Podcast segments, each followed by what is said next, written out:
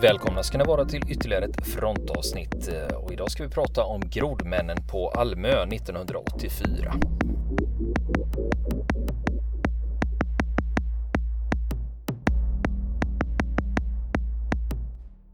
Och nu ska vi fortsätta prata om grodmännen på Almö 1984. Med de här observationerna som har gjorts och det här eldöppnandet och det här skoavtrycket då eh, som militären som är där, de är helt övertygade att det finns fiender i bassängen och de försöker ta sig ut därifrån. Och målet är nu att få fatt på en dykare, levande eller död, för att liksom bevisa den här tesen. Och det här är inte slut va? för att eh, eh, nu är det plutonchefen och en KB-elev ger sig ner till stranden och tar med sig radion. Och då är det poster som berättar att de hört någon komma upp ur vattnet och lite andra ljud därefter. Bland annat hörde de tydliga skrapljud som lät mot metall mot sten. Och det finns ett enbusksnår där söder om poststället som plutonchefen och KB-eleven följer. Men frågan är, den här platsen som har pekats ut, Finns det någon där? Det kan ju vara så. De har ju hört någon. Mm. Och då är frågan, ska de ge sig in bland buskarna där och rota? Knappast.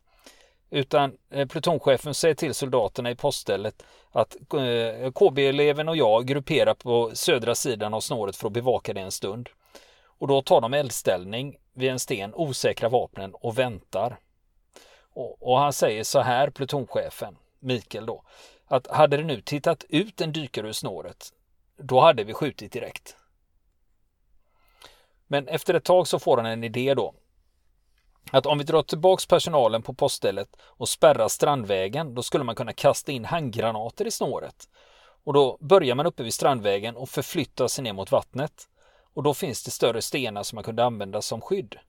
Och då pratar han med sin kapten på radion och beskriver vad han tänker göra. Mm. Men kaptenen, ja, han är väl lite kallare i det här läget och säger att eh, jag avråder från det förslaget. Utan vänta så skickar vi en polis med hund. Och plutonchefen där han blir ju lite, tycker jag, men vad fan här har vi ju möjligheten att lösa det här med handgranater. Men efterhand i eftertankens kranka blekhet så att säga så inser han att jo men kaptenen hade ju rätt. Vi kunde inte bara börja slänga handgranater hur som helst. Det kan ju dessutom bli farligt för splitter från handgranater kan ju ta lite konstiga vägar och sånt. Då. Och nu kommer då polismannen eh, med hund, polisens hundförare här då och hunden Jax. Och eh, det de gör nu då det är när polismannen går. Då har han eh, kaptenen och plutonchefen på varsin sida något bakom. De går som säkrare då och har sina vapen osäkrade. Och de ska då skydda polisen utifall om att det händer någonting. Så om hunden påträffar någonting eller att om polisen blir hotad, då ska de öppna eld då. Och eh, polismannen säger till dem att ja, men jag har också förberett mig lite. Så han drar ner dragkedjan i jackan och då visar han det att han har en eh, magnumrevolver med sig. Och han tänkte nämligen så här att för att om de hittar en dykare eh, då är ju hunden först på dykaren. Och då ger det honom tid att dra fram revolvern och börja skjuta. Och anledningen till, nu undrar man ju varför springer poliser omkring med eh, en Magnum-revolver?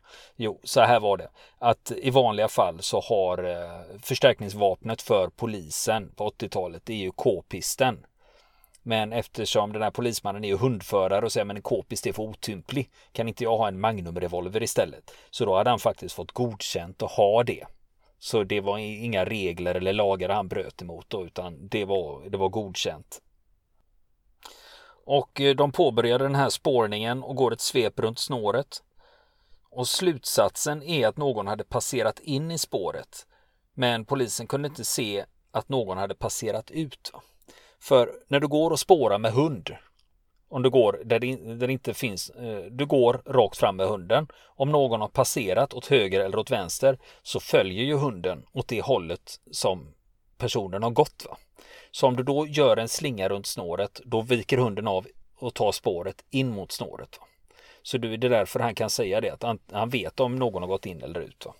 Så han får, han får eh, en, eh, hunden markerar spår att någon har gått in, men de hittar inte att någon har gått ut. Va?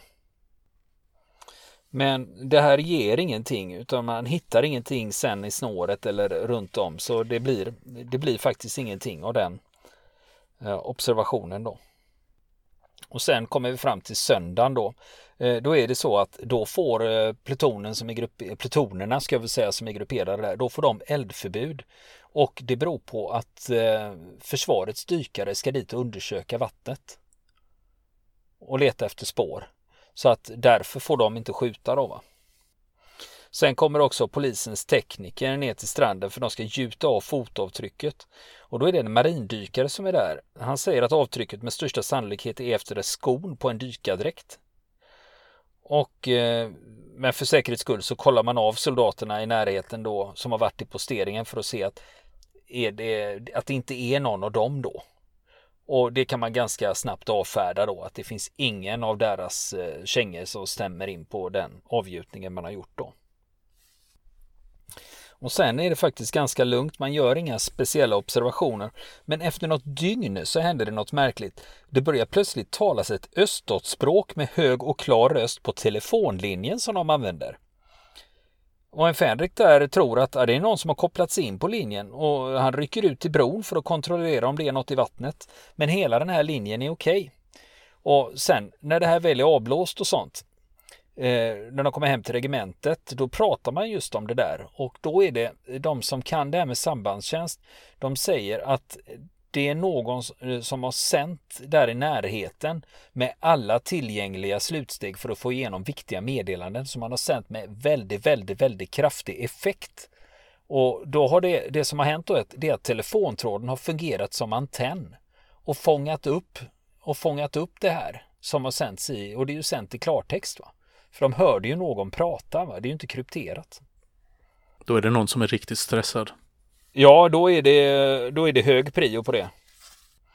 Sen hade vi det där söder om Malmö, på vägen ut mot Hasslö. Där ligger ju Hasslöbron då. Och den här bron den har en liten högdel eh, där, där, där det är fyra meter till vattenytan. Och den här högdelen kan man dessutom öppna för det går en båtled in till Karlskronabassängen. Och den här leden användes dagligen av fiskebåtar. Och då var det att posterna som var där, de förordade att med ojämna mellanrum släppa en spränghandgranat i vattnet vid högdelen. Och det är för att antingen få verkan mot eller att avskräcka dykare. Och när fiskebåtar passerar då släpper man regelbundet handgranat före och efter. Och, och då var det så här att det var ju så man gjorde. Eh, Medan journalister som var i närheten de fattade som att oh, men nu är det något skit på gång här va. Eh, men det var alltså en ren rutin så det var inte det på, på grund av att eh, de hade sett något eller iakttagit någonting. Då.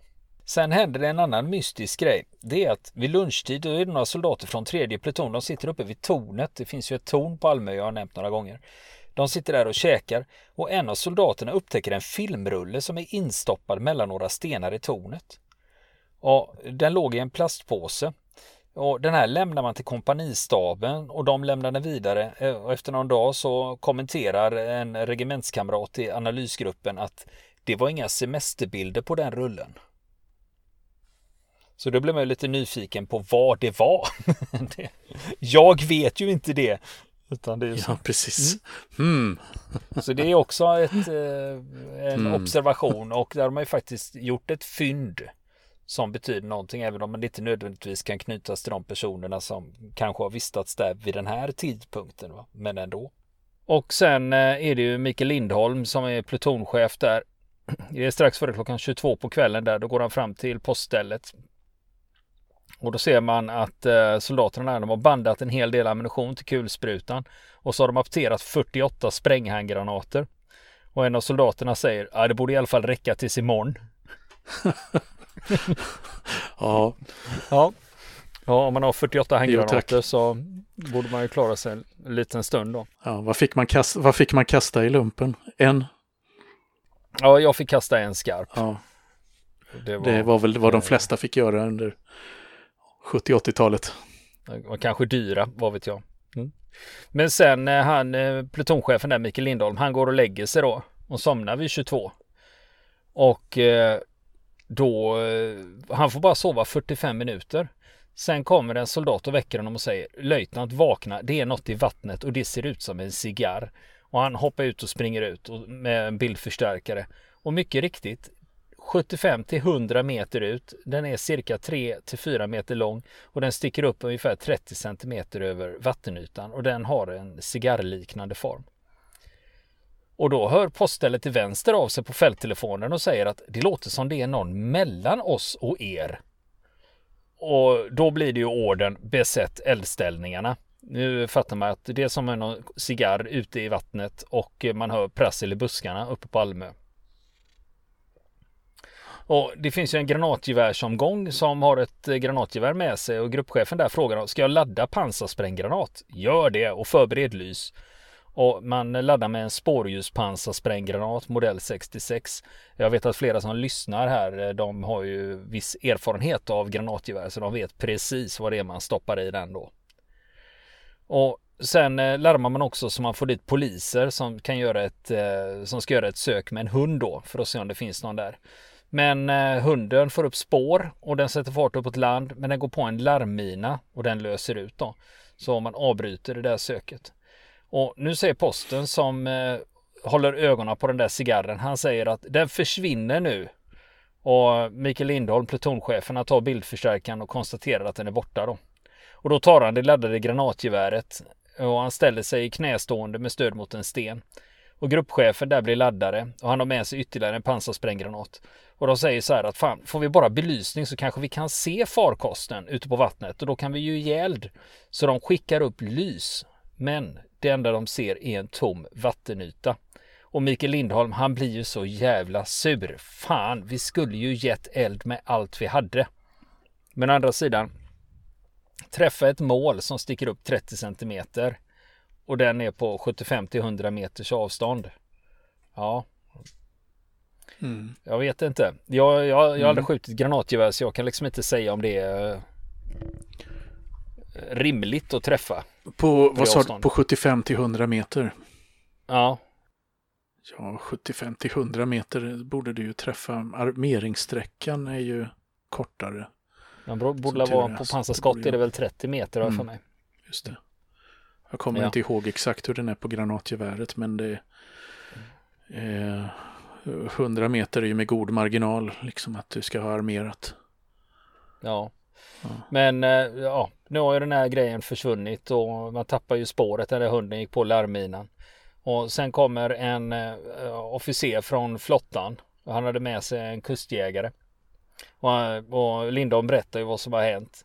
Och kustjägaren frågar flera gånger Varför sköt ni inte? Varför sköt ni inte? Och Lindholm får ju säga då att ja, men allt hände samtidigt och vi tänkte att polisen skulle söka igenom terrängen först. Så att, eh, men det är klart, eh, Lindholm har ju inte kunnat släppa det här. Liksom att fan, här hade vi ju chansen. Vi kunde ju blåst på med kulsprutor, automatkarbin och k-pist och GRG. Borde vi i alla fall fått någon effekt då. Just det. Och han, han tänker också så här i eftertankens kranka blekhet att ja, men hade inte polisen kommit så snabbt så hade det nog blivit så. För vi hade inte bara legat och tittat på den där cigarren i vattnet utan vi hade ju gjort något. Och sen också frågorna då. Säg att vi hade skjutit, om vi fick hål på den. Hade vi bär lyckats bärga den och var hade den kommit ifrån och vad var det för något och vad hade det fått för betydelse? Men eh, det händer inte mer den natten faktiskt, utan eh, nu är man framme vid måndag. Och nu sker det en förändring här, för tidigare har man ju faktiskt haft direktiv att man ska gå som fredstida skyddsvakt. Nu kommer det order uppifrån att på en ordergivning klockan 10 där att nej men nu eh, kör vi inte det här va utan eh, det här med vaktbestämmelsen om anrop och varningsskott det, det skiter vi nu utan eh, det är man får avge verkanseld utan föregående varning mot personal i vattnet och strandkanten. Och då behöver man ju absolut inte det där med säkringsbläck och enkelskottsomställare på AK4. Utan nu är det så här att ser ni någon person så alltså verkanseld är ju då skjuter du för att döda eller för att träffa i alla fall. För att oskadliggöra personen. Och det får man göra utan föregående varning. Utan nu är det fan, det är ju, det är ju som, ja det är ju fan krig. Nu är det ingen lek. Nu är det ingen lek utan ser ni en person så avger ni eld och det är för att träffa. Och nu har man en ny teori här också. Och det är att man kan inte utesluta att man från havssidan försöker frita personal som är instängda i bassängen. Och det betyder att det kan komma folk från bägge håll. Hittills har man ju stirrat in i Karlskrona-bassängen och tänkt att ja, det är därifrån de är fångna där och försöker ta sig ut. Men nu tänker man det kan komma folk från andra hållet. Och det gör att man får eh, tänka lite annorlunda då. Och sen händer det en annan grej här. Det är att eh, det var ju en larmmina som löstes ut av hunden. Man har ju ersatt den. Eh, och samtidigt så har man kollat övriga larmminer. Och mm. när det här skedde då upptäcker gruppchefen att en av de larmminer han satt upp dagen före har fått snubbeltråden avkortad. Så de går dit för att kolla. Och det här är märkligt för snubbeltråden till larmminan den är hoprullad i halva sin längd och rullen ligger under en liten buske. Och han som har satt upp de här larmminorna, gruppchefen, han är säker på att alla larmminor snubbeltråd varit utsträckta i sin fulla längd och väl fästa i änden. Det betyder ju att någon har varit där. Mm, just det. För det händer inte av sig självt. Att den, den rullar ihop sig av sig själv och gömmer sig själv under en buske. Nej. Någon har ju gjort det här va? Så brukar inte sån tråd uppträda. Det kan man ju vara ense om. Och sen är det ju, vi är fortfarande kvar på måndagen här 5 mars. På kvällen där vid 10-tiden. Då säger en av posterna så här. Det är samma grej i vattnet som igår. Cigarren är tillbaka i vattnet. Och eh, eh, Mikael Lindholm, plutonchefen och en Fänrik där, de kollar och säger att ja visst fan är den kvar. Men den här gången ligger den längre ut, det är 200 meter ut. Och Lindholm hade funderat då att men skulle man kunna använda en helikopter när man har något sånt här i vattnet? För och nu tänker han det här med att, att han ska skjuta med ett granatgevär och träffa ett mål som är 30 centimeter högt på ett avstånd av 200 meter är svårt. Dessutom är det här i mörker och det enda de har för lys det är signalpistoler. Men då tänker de så här att eh, fan en sjunkbomb det är ju 100 kilo sprängämne eller mer. Den kanske ger en bättre effekt då. Och återigen så kommer ju orden om att besätta eldställningarna. Och då tänker man också att fan igår var det ju folk som prasslade i buskarna. Det kanske är samma sak nu då. Och därför så talar han med låg röst. Han kontaktar kompanistaben och ber dem att få dit en helikopter. Och det går undan. Det tar bara någon minut så hör han helikoptern starta in i Karlskrona. Och samtidigt när helikopterbesättningen är på väg då med sin helikopter, då ropar posten att cigarren dyker. Men då tänker de ändå att ja, men fan, om vi tar sjunkbomber på rätt plats så eh, borde vi kunna sluten. den.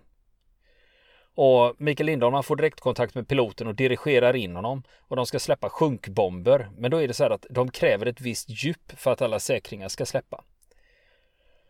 Och helikoptern flyger på rak kurs och släpper tre sjunkbomber. Och det är en otrolig effekt att berget de står på det skakar till vid varje detonation. Men soldaterna som ser det de är frustrerade och knyter händerna och ropar närmare, närmare. Att eh, de släpper bomberna för långt ut. Va? Och sen kan, finkammar man igenom området runt postställena och sen blir det normal posttjänst. Och eh, den här finkamningen då av området, det gav ingenting. Vi tycker att eh, där hade vi chans nummer två att liksom komma åt den här och så och så missar vi. Och sen är det dagen därpå, då är det tisdag 6 mars 1984. Och det som händer då, det händer inget särskilt mer än att Lindholm får åka in till Karlskrona och bli förhörd om sina iakttagelser och lämna en fullständig rapport då. Vad är det han har sett och när är det han har sett det? Och vad de har gjort och hur de har agerat. Sen är det torsdag den 8 mars och det är sista dagen som kompaniet är där för nu ska de bli ersatta av ett annat kompani så det är avlösning. Och sen kommer de upp till Eksjö och sen på fredagen så är det materiell vård då. Och sen är det ju väldigt, ryktena har ju börjat gå så det är ju mycket folk uppe i Eksjö som har frågor om vad det är som har hänt. För det här har ju inte undgått någon, media har ju skrivit om det här också. Och sen eh, Lindholm har ju inte slutat fundera över de här sakerna, vad det var han upplevde och vad det är som har hänt sedan dess. Det som händer efter att man avbryter den här typen av insats, då gör man en genomsökning av hela området runt Karlskronabasängen. Och då är det poliser och hundar och då söker de från strandlinjen och 300 meter upp. Och på Almö så gör man två fynd som är intressanta. Dels hittar man en långvågsantenn och den har man för att kommunicera med ubåtar. Och dessutom hittar man nedgrävd nödproviant och det är från ett främmande land. Det är alltså inte svenska grejer som någon har grävt ner där. Har man någonsin kommenterat varifrån det kom eller var det Nej, jag tror att uppgiften bara är främmande land. Eh, så att eh, så vitt jag vet i alla fall. Det finns ju säkert någon som, det finns ju faktiskt personer som faktiskt har sett den här. Va, som kanske är eh, lite kunnigare på området. Och sen var det just en, en del funderingar kring det som hade hänt den 29 februari. Alltså när en hund hade spårat någon tvärs över Almö. Mm. Så då gör man ett eh, Eh, då gör man ett test att man tar dit flera hundekipage och testar och då lånar man riktiga grodmansdräkter från örlogsbasen. Och eh, så genomför man det här. Och de här hundekipagen som man använder för att testa det här med, de får godkänt. Alla klarar av det här. Va? Och lyckas ta en timme gammalt spår på någon person iförd grodmansdräkt som tar sig igenom terrängen. Så det var inga konstigheter. Men eh, Lindholm han har ju inte slutat fundera kring det här. Men eh, nu är det så att det finns eh, uppgifter i det här som fortfarande är sekretessbelagda och de ska bli tillgängliga efter 51 år och då borde det vara år 2035. Alltså det är 15 år kvar. Sen kanske man får svar på några av de här frågorna. Just det, och då hoppas jag att vi i fronten om 15 år ska kunna berätta vad som står i de dokumenten. Ja, 15 om vi hänger, år. Om vi hänger i då. Ja, det är väl, vad är det, 550 avsnitt till eller något sånt. Ja. Eh, då är vi väl inne på Bruneis högvakts strumpor när de bytte dem 1983. Då gick de från gråa till kaki nämligen. Just det. Det kan man nog, det kan man nog ta en halvtimme om. ja. Men, men sen eh, blir det också en, någon form av, av, av summering här då. Vad var det egentligen som pågick här då? Va? Mm. Och Mikael Lindholm han är övertygad om att det var en fientlig undervattensoperation som pågick. Varför den pågick och det större sammanhanget, det, det är han inte med om då. Det, är han inte, det kan han inte svara på, men han är övertygad om att det var det som hände. Mm. De fick ju en dragning av FOBEF, alltså försvarsområdesbefälhavaren. Eh, och där säger ju han att Almö är kommunikationsväg, man byter personal kontinuerligt och det Mm. finns både miniubåtar och mindre undervattensfarkoster i bassängen. Och Mikael Lindholm är övertygad om att de här uppgifterna är korrekta. Just det. Och eh, han tror att eh, deras närvaro på Almö gjorde att man fick byta plan. Och ta, man fick hitta någon annanstans för att ta sig in och ut ur eh, Karlskrona-bassängen. Men att de faktiskt lyckades ta sig ur också, fast någon annanstans då. Ja, man börjar automatiskt fundera på vilka olika sorters underrättelseoperationer som har pågått på, i andra delar av skärgården och som vi kanske inte vet om eller som allmänheten i alla fall inte har fått kännedom om. Det ger ju upphov till vissa funderingar för där, där finns ju många öar och passager. Ja, det är inget litet område. Eh, så tillvida. Ja, det, det, är mycket intressant historia. Jag menar, man får inte glömma att eh, länder som bedriver underrättelseverksamhet, de gör ju sådana här grejer. Precis, det gör man hela tiden bara för att man Att man, Kan. Så, så det, här, Mm. det här är ju ingenting liksom, jag ska väl inte säga att det är vardag, men det har ju hänt. Mm. Ja, just det. Ja, hur ska man summera det här då? Ja, det här är ju det närmsta man har kommit bekräftade eh, undervattensverksamhet under kalla kriget skulle jag säga. Om vi bortser från 1981 då, när man har en eh, sovjetisk ubåt som faktiskt står på grund. Den är ju svår att förklara bort. Va? Ja, precis. Men, eh, men alla de här, det, det, var, det är ju så många indikationer. Jag menar på rättegångar och sånt så pratar man om, om indicier. Va? Men Ja, jag menar här har man ju hittat grejer. Man har hittat en antenn, man har hittat en fotorulle. Och hunden tog ju spår. Någon har ju gått över Almö. Så det är, och den här larmminan. Och liksom det är massa sådana här saker som observationer när man har sett folk ute på isen och den där cigarren som dyker upp. ja, det är svårt att förklara bort. Det, det går liksom inte att, att säga. Jag vet att det finns en del som har varit sådär. Ja, ja, men de, det var nervösa värnpliktiga som trodde det. Som trodde, det var ju svanar de såg. Och Ja. eh, bevisligen här var det ju inte det. Man säkrar ju dessutom ett fotspår. Just det. Så att eh, det finns, det, det är lite för mycket saker som pekar åt Ja, ena hållet. Va? Och den där filmrullen, man skulle man ju gärna vilja veta vad som fanns på det av ren nyfikenhet. ja, det är ju just det. Nyfikenhet är ju en bra drift. Liksom. Ja, precis. Man vill ju ha reda på mer. Så vi får vänta. Men vi får väl eh, vänta några år till då. Så till slut 2035 om Ja. 15 år då. Vi får hålla ut tills dess. får- Ja, precis. Men vi hörs av då Niklas. Ja, precis. Har vi lagt av innan dess så får vi eh, göra en revival bara för att, för att eh, berätta hur det ligger till. Alltså det är ju saker, det är ju, här är ju saker som inte ligger så långt tillbaka i tiden. Alltså det ligger ju närmare oss än man kanske tänker. Ja, och de som var med, de är ju fortfarande i livet. Va? De, Mm. eh, Det är ju inte så här att det är man får gå och gräva i arkiven, utan de här personerna existerar ju som upplevde det här. Ja, visst. Och, eh, och de här platserna på Almö och eh, Hasslebron, jag menar, där, när jag bodde där på 80-talet, jag var ju, det var ju ställen jag var och fiskade på. Och jag åkte ut dit med farsans fiskeutrustning och ställde mig och kastade spö där. Det, det är ju lite absurt att tänka att eh, det var inte bara fisk som rörde sig det var en annan typ av fiskar som rörde sig där ute också under ytan. Fula fiskare. Ja, precis. Ja. precis. Ja, ja, precis. Men på den tiden det här med att utbilda värnpliktiga för att lära sig att spana efter dykare och ubåtar, det var ju inte, det var inte avlägset. Nej, precis. Precis. Och det var ju ett oerhört fokus på, på just ubåtsjakt. Så att man kan undra om vi ett tag var tillhörde bland de mest erfarna när det gällde ubåtsjakt på 80-talet. Svenska marinen, även om man eh, bevisligen eller förmodligen aldrig sänkte någonting. Nej, och det är också det här när vi pratar om det där med ubåtskränkningarna. Det är ju sån här eh, lite som Palmemordet nästan. Att fan, man vill ju ha svar. Va? Det, vad fan var det som hände? Och vi hade ju ändå en förhoppning när muren rasade. Att ja, men nu öppnas arkiven och nu kan man ta re- nu kommer vi få svar på det här. Men blev det något av det egentligen? Nej, man fick ju svar på en rad andra kalla kriget-gåtor. Eller i alla fall eh, kanske inte slutgiltiga svar, men mer fakta kring olika saker som Catalina-affären och så vidare. Men eh, det som ligger närmare i tid, ja, det är ju sånt som fortfarande är förborgat. Väl förborgat i militära arkiv.